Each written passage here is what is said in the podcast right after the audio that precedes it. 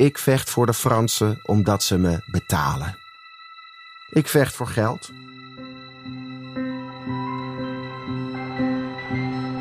In de jaren 1672 en 1673 werd Utrecht bezet door het Franse leger van koning Lodewijk XIV. Deze korte maar indrukwekkende periode bracht veel teweeg bij de verschillende bewoners van de stad en provincie Utrecht. Maar hoe was het eigenlijk voor de soldaten in het Franse leger? Je luistert naar een podcast van het Utrechts Archief. Mijn naam is Kathleen Verdult en tegenover mij zit mijn collega Floortje Tuinstra. In deze serie nemen we je mee naar de woelige periode die ook wel bekend staat als het rampjaar. Per aflevering hoor je een historisch personage dat aan de hand van archiefstukken uit ons archief leven is ingeblazen door theatergroep Aluin. Vandaag de Zwitserse soldaat.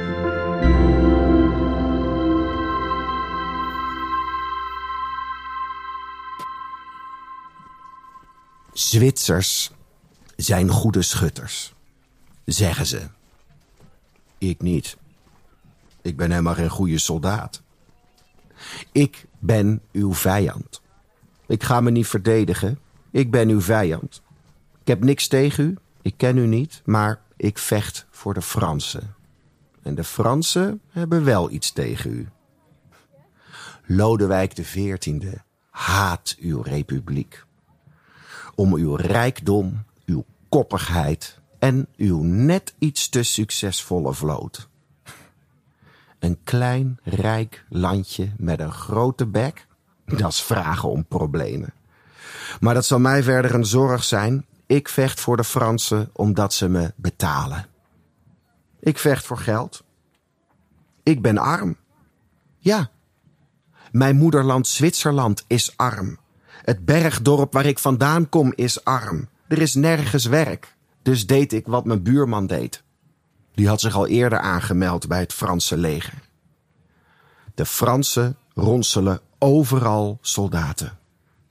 De Fransen zijn altijd in oorlog, dus is er altijd werk in hun leger.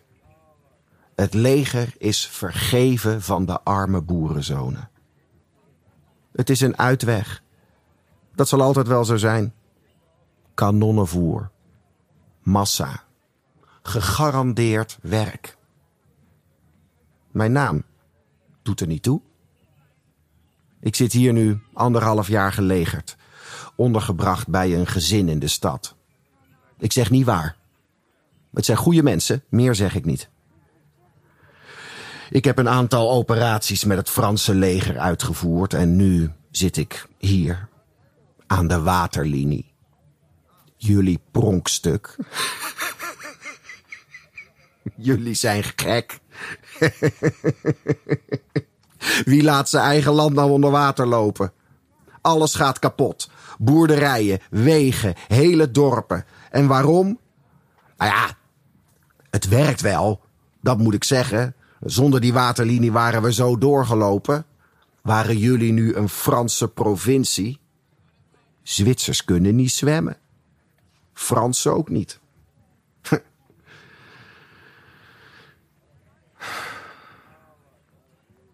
Het is een gruwel hier. Water is een nare vijand.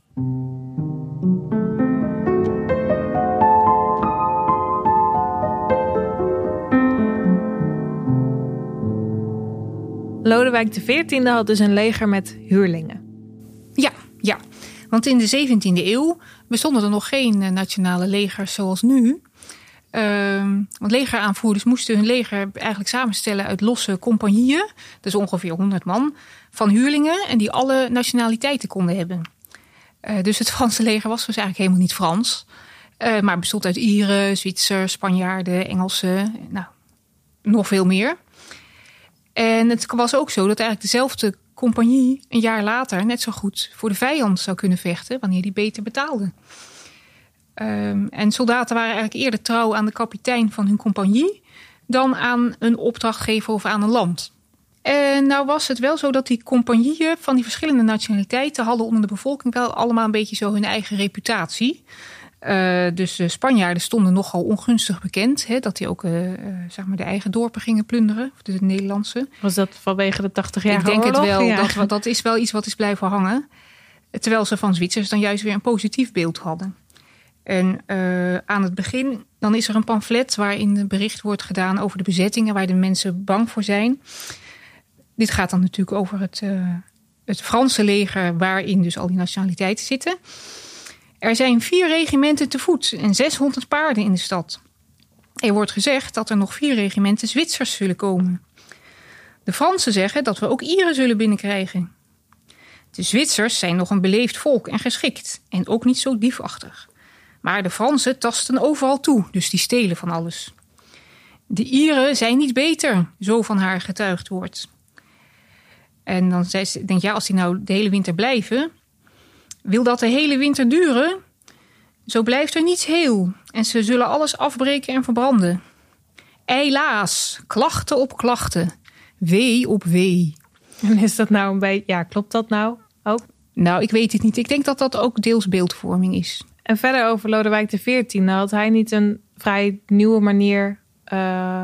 Ja, ja, Lodewijk XIV was een, uh, was, heeft de oorlogvoering eigenlijk gemoderniseerd. Dus behalve dat hij, hij organiseerde het leger wat strakker. Maar hij besteedde ook uh, meer aandacht aan logistiek dan zijn voorgangers of zijn tijdgenoten. Dus hij had hele magazijnen met voedselvoorraden, munitievoorraden. Uh, en hele goed georganiseerde aanvoerlijnen.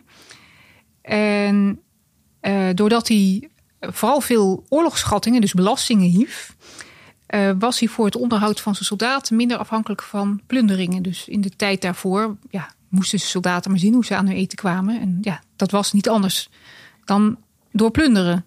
En in de tijd van Lodewijk XIV was plunderen kwam echt nog wel voor. Maar het was niet meer de enige manier van overleven. Er werd veel meer centraal geregeld. Goed, en in het verhaal horen we een Zwitserse soldaat. Hadden die Zwitsers binnen het leger nou een speciale positie?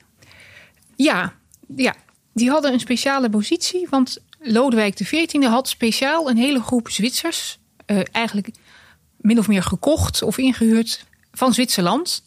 En uh, Zwitserland had verschillende kantons, hè, zoals wij provincies hebben... En die leverden eigenlijk op afspraak uh, een bepaalde hoeveelheid uh, jonge mannen die dan moesten gaan vechten. En dan kreeg hun, hun kanton of hun dal of hun dorp, die kreeg dan geld. En zij, ja, zij waren dus kanonnenvoer. Dus in Zwitserland werd wel gezegd uh, dat het Rijk van de Zonnekoning, dus van Lodewijk XIV, was geplaveid met Zwitsers bloed. Of was doordrenkt met Zwitsers bloed. Of was gebouwd op Zwitsers bloed. En het is trouwens ook zo dat de, het hoofd van het leger in uh, Utrecht, dus zeg maar die in Utrecht het leger uh, ja, moest organiseren en alles een beetje in de hand had, uh, Pierre Stupa, die ook disciplinaire maatregelen nam als soldaten zich misdroegen, dat was ook een Zwitser. En dat is eigenlijk degene die later dit systeem steeds verder ontwikkelt. Um, dus hij krijgt een hele belangrijke positie voor Lodewijk XIV in de, in de organisatie van zijn leger. Maar Zwitserland, dat was een protestants land, toch? Uh, nou, Zwitserland heeft zowel katholieke als protestantse kantons. En dan was het wel zo dat die, uh, sommige van die protestantse kantons... ja, die hadden er eigenlijk wel problemen mee... dat hun protestantse jongens voor een katholieke koning moesten gaan vechten... tegen een ander protestants land... die ook nog eens net zoals zij zelf een republiek uh, was. Dus daar hadden ze toch wel enige moeite mee... Maar daar uh, werd wel weerwoord tegen gevonden. Want de broer van die kolonel Stoepaar, waar ik het net over had, die was uh, theoloog. En overigens zelf ook protestant. In tegenstelling tot zijn broer. hij had zelfs in Leiden gestudeerd. Um, en hij heeft een pamflet geschreven, of een boekje, waaraan hij uitlegt dat die Nederlanders helemaal niet zulke goede protestanten zijn. Uh, en hij geeft een hele opsomming waarin hij precies vertelt wat voor types je allemaal hebt. Dus je doopsgezinden, Arminianen, Voetsianen, Kokianen. Nou, de ergste zijn geloof ik de Socianen. En dat zijn allemaal goede babbelaars. Maar de enige echte god die ze allemaal aanbidden, dat is de mammon. Dus de god van het geld. Aha. Um, ik zou nou zeggen, net Zwitsers dus. Ehm, maar eh, de boodschap is: maak je geen zorgen. Het zijn eigenlijk helemaal geen echte protestanten. En daarom mag je er gewoon tegen vechten. Het, ja, precies. Waar verbleven al die soldaten eigenlijk? Eh, Ja, dat is een goede vraag. Want er waren in de provincie wel 10.000 soldaten, tienduizenden. En die moesten weer allemaal ergens wonen en allemaal te eten krijgen. En dat gebeurde natuurlijk grotendeels op kosten van de provincie Utrecht. En in de eerste maanden kampeerden nog heel veel soldaten ehm, rond de stad Utrecht en eh, op de Heuvelrug. In tenten. In tenten, precies.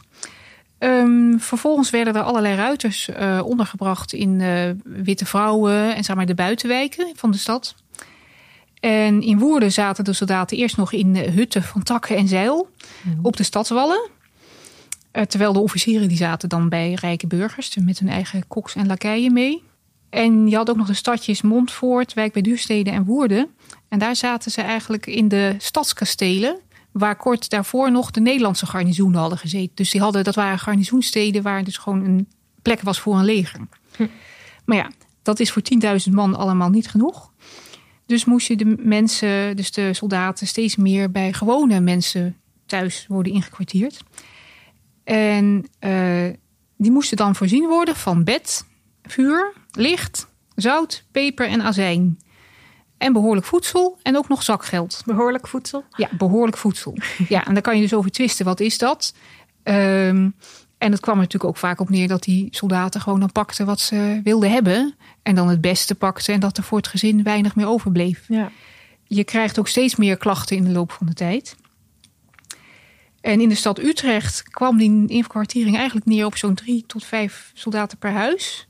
En niet iedereen kreeg, werd, kreeg inkwartiering. Dus de allerarmsten kregen eigenlijk niet per se soldaten in huis. En mensen die regenten waren ook niet. Het zou ook bijna niet passen, zou je zeggen. In de kleine Eh, nee, huizen om nee, daar nee, nog allemaal soldaten Nee. neer te Nou ja, zetten. goed. Soldaten zijn ook wel wat gewend. Als je in een tent kan slapen. En tijdgenoten beweren dat er in Woerden op een gegeven moment 8000 man zaten. Terwijl er maar 700 huizen waren. Nou, dan heb je dus. Dan zitten er 10 soldaten bij elk gezin. Dus of je dat getal nou moet geloven, weet ik niet. Ehm, maar er wordt dan gezegd, het staat dan op zo'n een zogenaamde brief die dan in een pamflet is gepubliceerd. Ze moesten op de bedden leggen. Al slaapt de burger met vrouwen en kinders op stro. De burgers worden ver boven hun macht met krijgsvolk belast. Kraamvrouwen worden van hun bed afgetrokken. Nou, en in theorie was die inkwartiering allemaal heel netjes geregeld. Bijvoorbeeld drie soldaten mochten samen niet meer dan één bed. En ze mochten niet meer licht en vuur vragen dan er al in huis was. Dus mensen moesten niet op extra kosten worden gejaagd. En er was ook een regel dat ze s'avonds niet te laat thuis mochten komen. Ehm, maar juist dat die regels in juli 1673, dus dan zijn ze er al een jaar, alsnog overal werden opgehangen, geeft aan dat dat dus in werkelijkheid anders was. Want anders was het niet nodig om dat nog eens overal aan te plakken. En hoe zat het met de hoge officieren? Ehm, nou, die werden eh, ook bij de mensen thuis ondergebracht, maar dan bij de rijke mensen met de grote huizen. Ze brachten vaak hun eigen koks en lakeien mee. En ze zaten in Utrecht bijvoorbeeld eh, vooral aan de Drift, eh Plompertorengracht, daar in de buurt. En de hoogste officier, de hertog van Luxemburg, die zat bijvoorbeeld in Paushuizen. Eh, Een heel eh, groot en chic eh, huis. En de, de eigenlijke eigenaren, die waren deels gevlucht. Deels waren ze er nog steeds. Ja, en die waren dus eigenlijk min of meer te gast in hun eigen huis. Eh, en moesten ook hun wijnvoorraad ter beschikking stellen.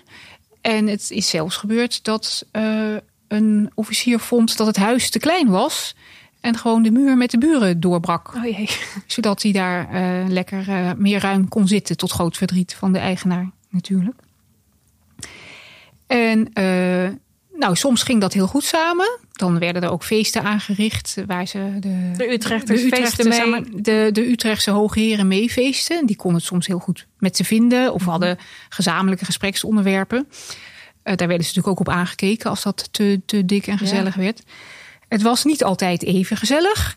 Want ook voor een Fransman die ondergebracht was bij een Utrechter. Als het hem niet beviel, juist omdat het dan de hoge heren waren. En als hij zelf dan niet al te hoog in het leger was. Kon hij er niet altijd wat van zeggen. Uh, dus hier klaagt er iemand, een major. De major die gelogeerd is in het huis van neef van Bentham, de neef van de dagboekschrijver. Dat hij nog nooit in een huis was gelogeerd geweest of geïnkwartierd geweest waar zoveel gekken bijeen woonden. En dat misschien de vader daar in huis nog wel wat verstand had, maar dat hij eigenlijk de hele dag niks anders deed dan lachen om de welsprekendheid van zijn zoon. Dus blijkbaar vielen daarbij die major de oren van het hoofd van het geklets van die zoon.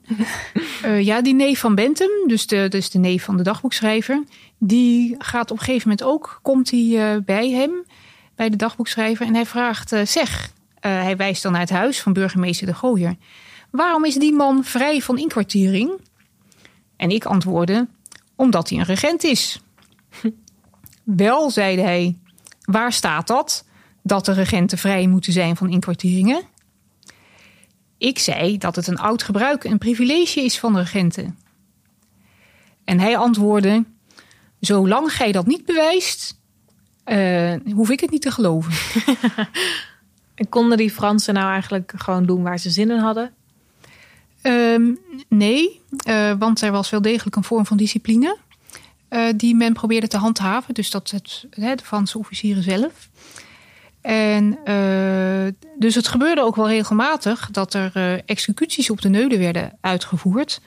van soldaten die zich extreem hadden gedragen tegen de stadsbevolking. Dus dan moet je denken aan gewapende overvallen of moord of verkrachting. En die werden dan ter afschrikking eh, bestraft en soms ook eh, opgehangen of eh, nou, met een degen ter dood gebracht. dus het was ehm, voor de Fransen niet alleen maar feest, of eigenlijk helemaal geen feest.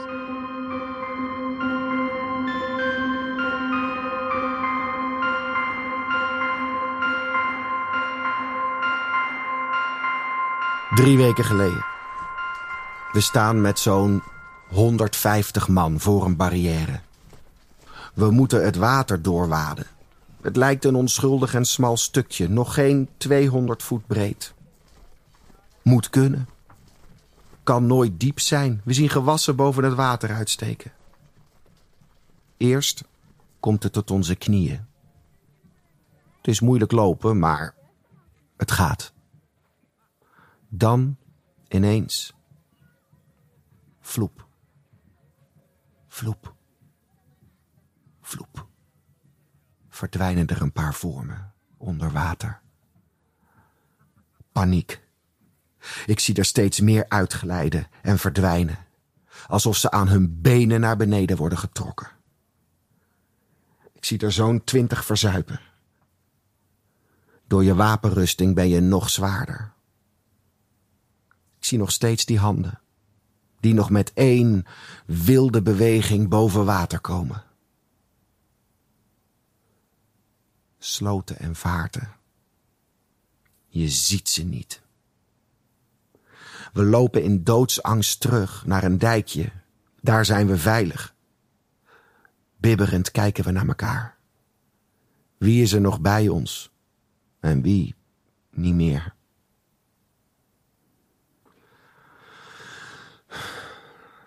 Die waterlinie is een gruwel. We verliezen een hoop mensen. We verliezen een hoop tijd ook. En we zijn voortdurend nat en koud. We hebben zweren en infecties. Ah. Water is een nare vijand. Ik ben ook in Ameide geweest. Klein plaatsje aan de rivier. De Lek.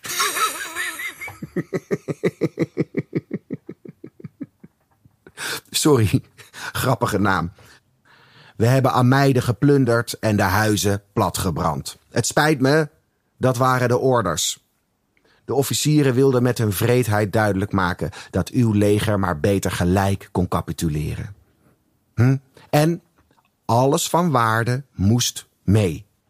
Die Fransen zijn geobsedeerd door geld en bezit. Het zijn net eksters. Het is een hardvochtig leger. Zeker. Maar wat er over ons is gezegd, naar aanleiding van Bodegraven en Zwammerdam, hm, dat wij daar als beesten hebben huisgehouden, ik was daarbij. Ik zou het moeten weten. Misschien wil de koning nog meer angst aanjagen. Misschien wil uw regering ons zwart maken. Dan hebben beide partijen er belang bij. Hoe dan ook, vertrouw niet zomaar op een pamflet. Er zit altijd een bedoeling achter. Ik vecht niet uit lust of uit haat. Ik vecht voor mijn brood. En zelfs dat niet al te enthousiast. Maar goed. Uiteindelijk houdt het een keer op, uh, zo'n oorlog. De Fransen zijn het zat. En er zijn meer oorlogen te voeren. Er zijn altijd meer oorlogen te voeren. Zeker met de Fransen. We moeten nu naar de Elzas. Daar zijn we nou nodig. Om te vechten tegen de Habsburgse keizer.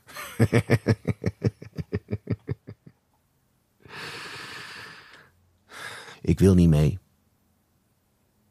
Ik moet mee, maar ik wil niet. Ik zal me verbergen. Ik heb mijn gastheer een aardig bedrag betaald om onder te duiken. Eerst moest je er niks van hebben natuurlijk. Jullie zijn de vijand. Wij hebben jullie anderhalf jaar in huis gehad. Jullie hebben al die tijd het beste bed, de beste kamers, het enige stuk vlees gehad. Jullie hebben onze wijn opgedronken en onze dochters lastig gevallen en nou moeten we jullie beschermen. Maar ja, iedereen is arm op dit moment, hè? Het hele land is geplunderd. Beetje geld is welkom. En zo verzwak je gelijk het leger van de Fransen. Het mes snijdt aan twee kanten. Als de Fransen zijn vertrokken, ga ik terug naar Zwitserland met het geld dat ik over heb. Dat is genoeg om even van te leven. Het zal niet opvallen als ik straks in Burger de stad verlaat. Ik heb genoeg van dit land. Het is er nat en koud. En ik kan geen water meer zien. Als de toekomst u en mij genadig is, zien wij elkaar nooit meer terug.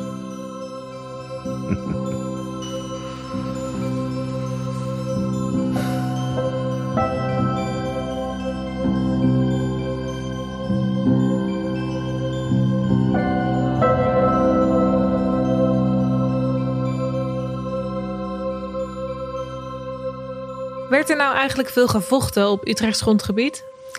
Um, nou ja, in de zin van grote veldslagen eigenlijk nauwelijks.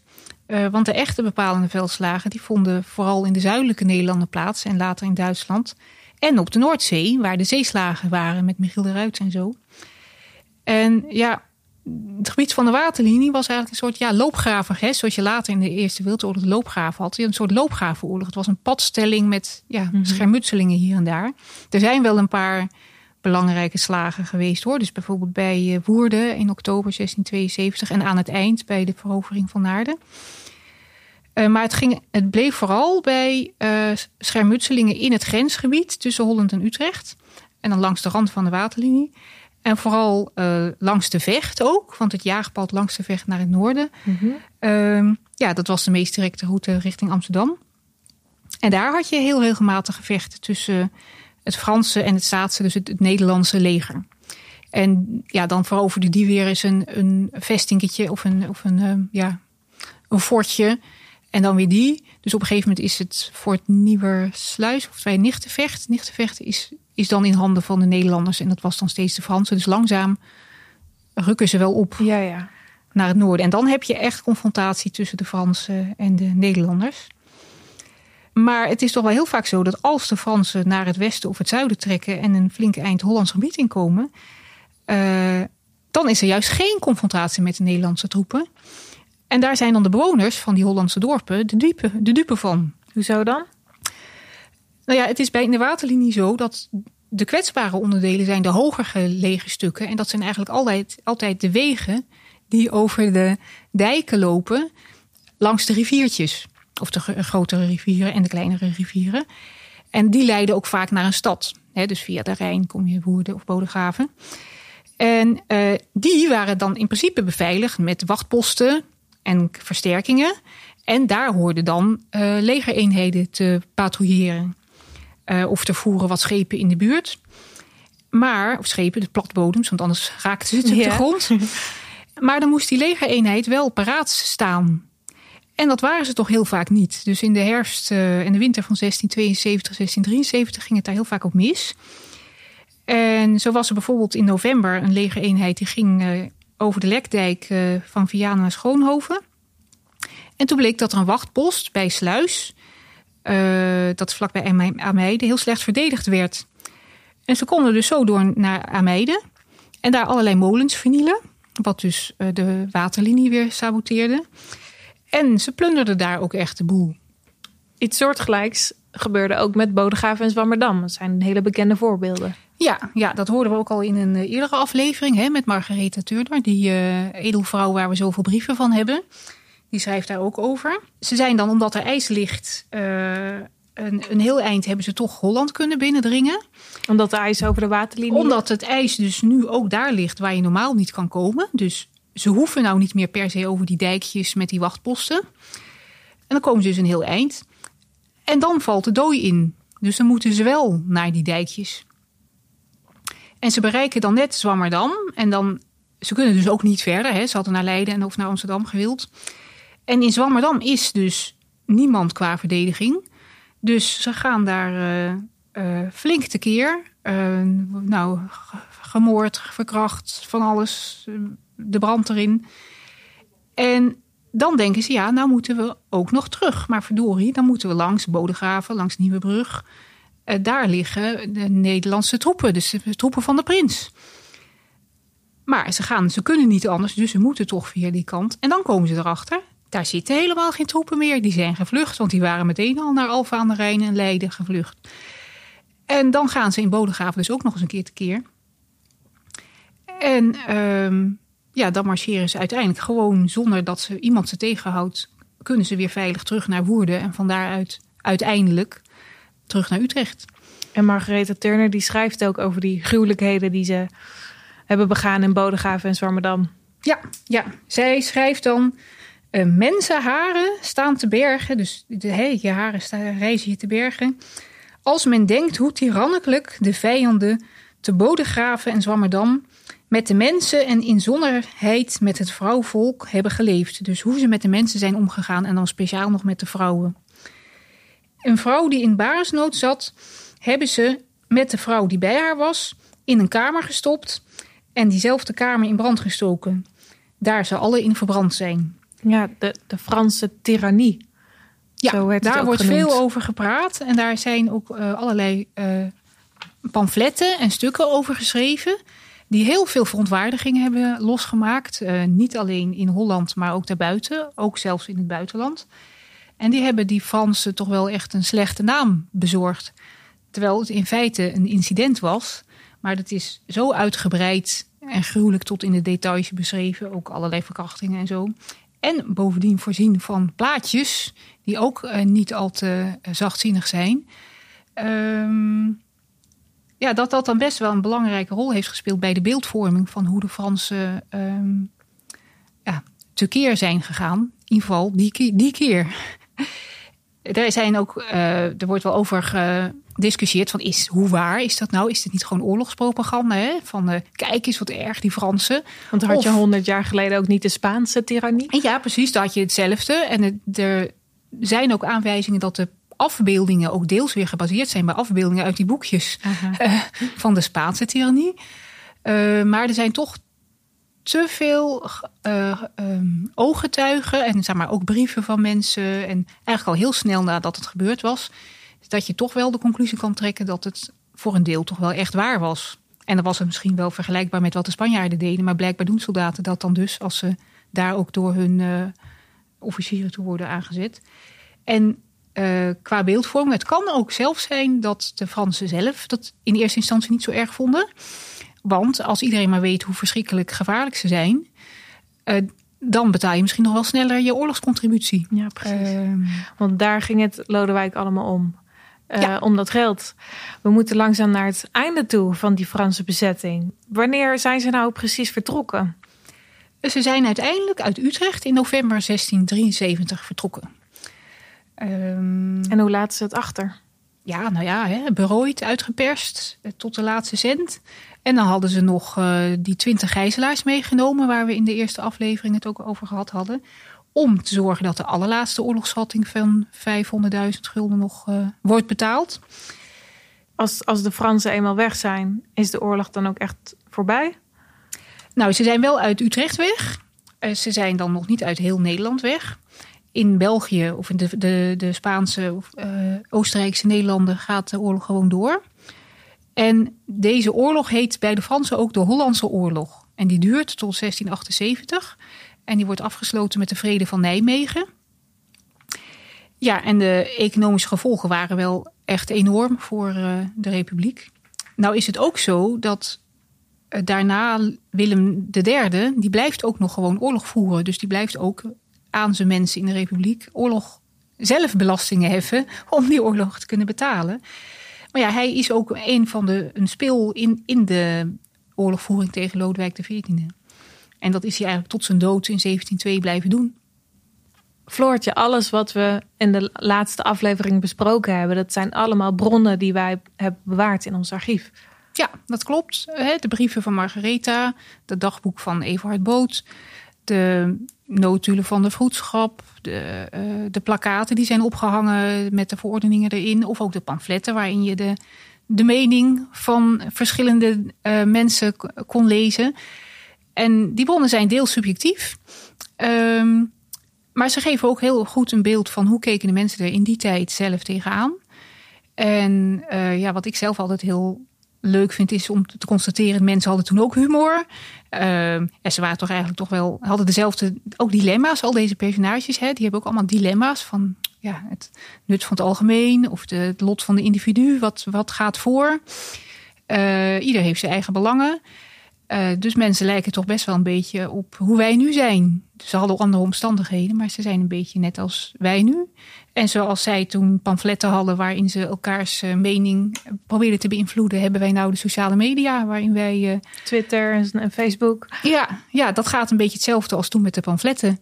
Die dan, waarvan je denkt, moet ik dit nou serieus nemen of is dit satire?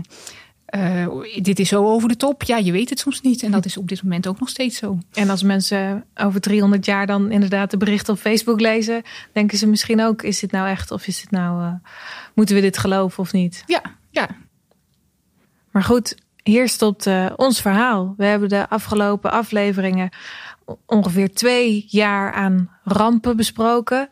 Eh, het rampjaar 1672, 1673. En eh, Floortje, heel erg bedankt voor, het, eh, voor de uitleg. En de luisteraars natuurlijk ook bedankt. Je luisterde naar een podcast van het Utrechts Archief. De research is gedaan door Floortje Tuinstra, die onderzoek deed in de brieven, dagboekaantekeningen en pamfletten die worden bewaard in ons archief. De verhalen van de historische personages zijn geschreven door theatermaker Erik Snel van theatergroep Aluin. De rol van de Zwitserse soldaat werd vertolkt door acteur Nart Verdonschot. De muziek die je hoort is gemaakt door Martijn Smit en hij is ook verantwoordelijk voor de montage. De mixage is gedaan door Daan Kandelaars. Tot en met 3 januari 2021 zijn de verhalen die je hier hoort ook nog te ervaren in de Expo Rampjaar 1672-1673 op de Hamburgerstraat 28 in Utrecht. Heb je na die datum nog steeds geen genoeg van het rampjaar? Maak dan vooral een virtueel ritje in onze koets op hetzelfde adres. Vond je dit een leuke podcast? Vergeet ons dan niet te volgen of de podcast te liken, zodat andere mensen ons ook kunnen vinden.